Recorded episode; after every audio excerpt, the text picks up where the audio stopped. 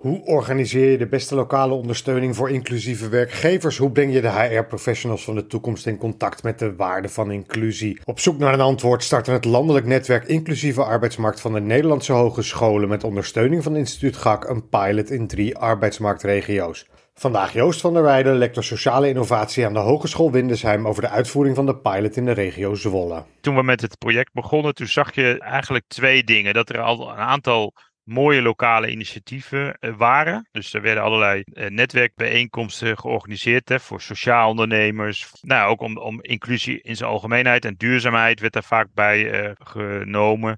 Om dat aandacht te geven in de regio. Bij ondernemers, bij scholen, bij overheidsinstanties. Dus dat was een heel mooi vertrekpunt uh, om daar ook ons project en de pilot uh, kenbaar te maken. We zijn zoveel mogelijk bij bestaande uh, bijeenkomsten geweest om nou, ons verhaal te vertellen en, en eigenlijk het aanbod neer te leggen wat we daarin hadden. En tegelijkertijd is het ook een aanbod geweest wat we samen met andere ondernemers hebben opgepakt. Dus we hebben op een gegeven moment ook gezegd, weet je, we willen ook gewoon zelf onze eigen bijeenkomsten organiseren. We hebben een, een, een goslist gemaakt met verschillende tools, stappenplannen, handreikingen, scans, nou, noem het allemaal maar op, wat een ondernemer heel concreet kan helpen om, om die stap uh, als inclusief werkgever uh, te zetten.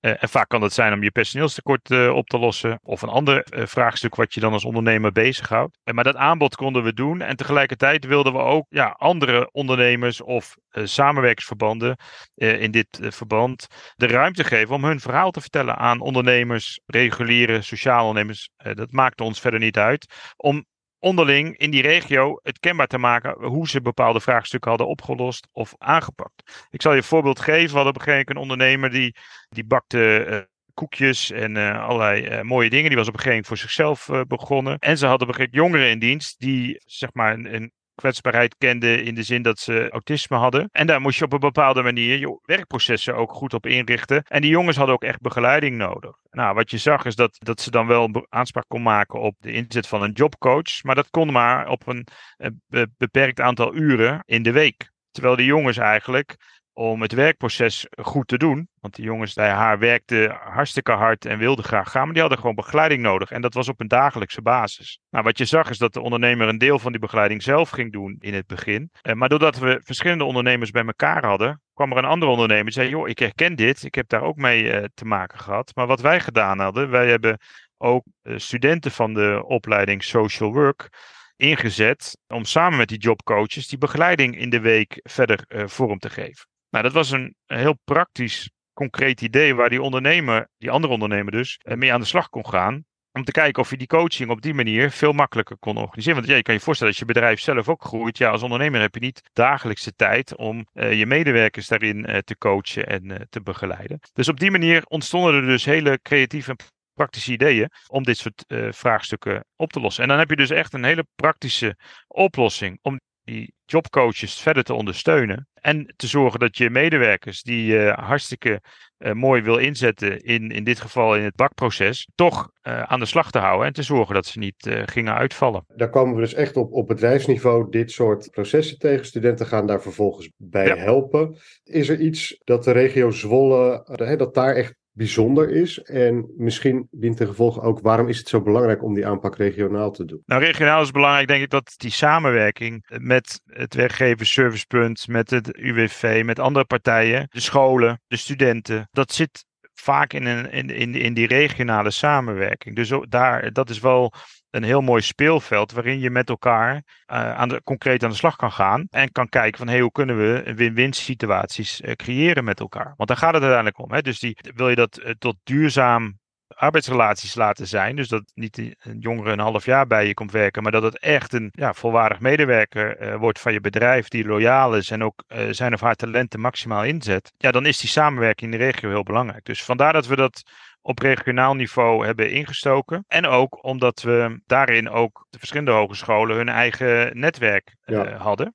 Uh, en daar wilden we bij aansluiten, omdat dat vaak de makkelijkste weg is. Uh, en we wilden vanuit de tools en kennis en handreikingen die we die landelijk hadden geïnventariseerd, wilden we naar het regionale niveau brengen. Zodat dat die toegang ook makkelijker tot stand kon komen. Op het moment dat je in gesprek komt met die werkgever, dat je gaat bedenken of gaat zien of samen gaat ontdekken welke tool dan het beste past. Zijn jullie nou ook wel eens teleurgesteld? Dat je dacht van nou, hè, je zou deze tool bijvoorbeeld passen, maar dat dat in de praktijk dan toch heel anders uitpakt? Nou ja, wat je, wat je ziet is dat er is ook een soort van koudwatervrees. Dus dan uh, heb je inderdaad gesprek met een ondernemer of de HRN-persoon van, van een bepaald bedrijf. En die geven echt wel aan dat ze bepaalde dingen willen, maar dat het ook gewoon lastig is. Hè? Hoe kan je nou iemand inzetten als operator in een, in een productielijn? En ja, je, je zit toch een beetje te twijfelen, want ja, je spreekt nog niet de Nederlandse taal, heeft nog niet het opleidingsniveau wat je graag ziet. En nou, een beetje aarzeling. Nou, als je dan daar weinig ervaring mee hebt, nou, dan, dan is er soms wel hoop van hé, hey, we willen het gaan proberen. Maar dan eh,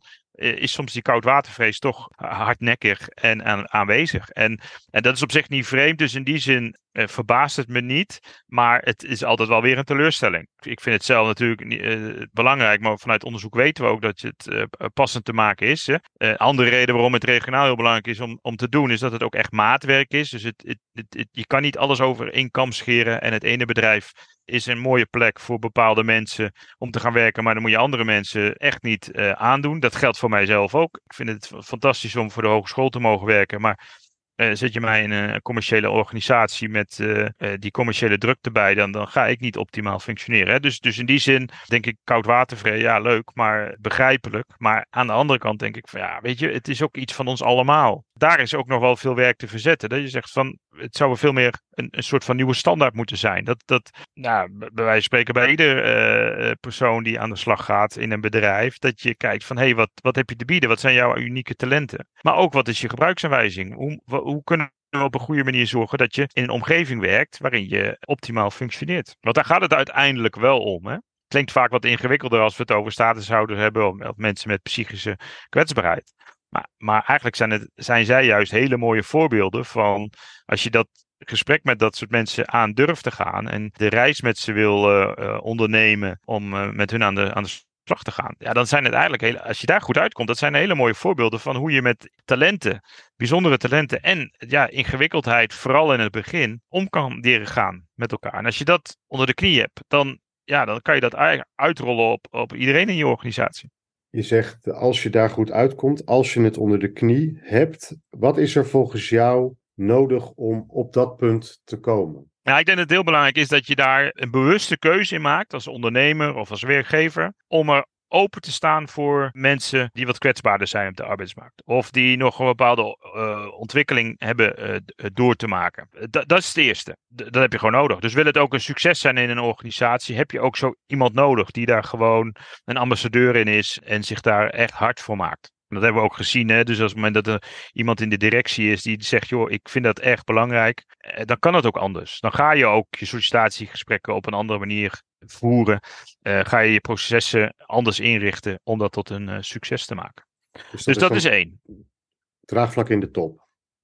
Ja, maar ook echt willen. Hè? Dus, dus dat je zegt, oké, ik, wil, ik wil dat gaan proberen. En dan, ja, dan heb je je onder, ondernemende houding ook weer nodig. Om, om, om te zeggen, oké, we weten dat dit een uh, reis gaat worden waarvan we niet precies weten waar we uit gaan komen. Dus we weten niet precies wat we allemaal nodig hebben en welke regelingen er allemaal spelen en wat die persoon precies is. Hè. Dus die, je, moet, je moet dan een ander echt gaan leren kennen. En maar als je daartoe bereid bent, ja, dan, dan krijg je ook hele mooie positieve uh, uitkomsten daarin. Dus een stukje ondernemerschap heb je daarin ook gewoon hard nodig. En zijn er nog andere stappen, voorwaarden? Nou, ik denk dat het heel belangrijk is dat we werkgevers daar ook in goed in gaan ondersteunen. Dus dat het ook veel transparanter is van oké, welke uh, regelingen zijn er en uh, welke mogelijkheden kan je gebruik, van, kan je gebruik van maken. ja, maak toch nog te vaak mee dat een ondernemer die dat spel wel goed kan spelen, uh, goed op de hoogte is van die regelingen, dat nog te vaak een andere ondernemers moet uitleggen hoe dat dan precies zit en hoe dat dan precies werkt. En denk, ja, daar hebben we als samenleving nog wel een taak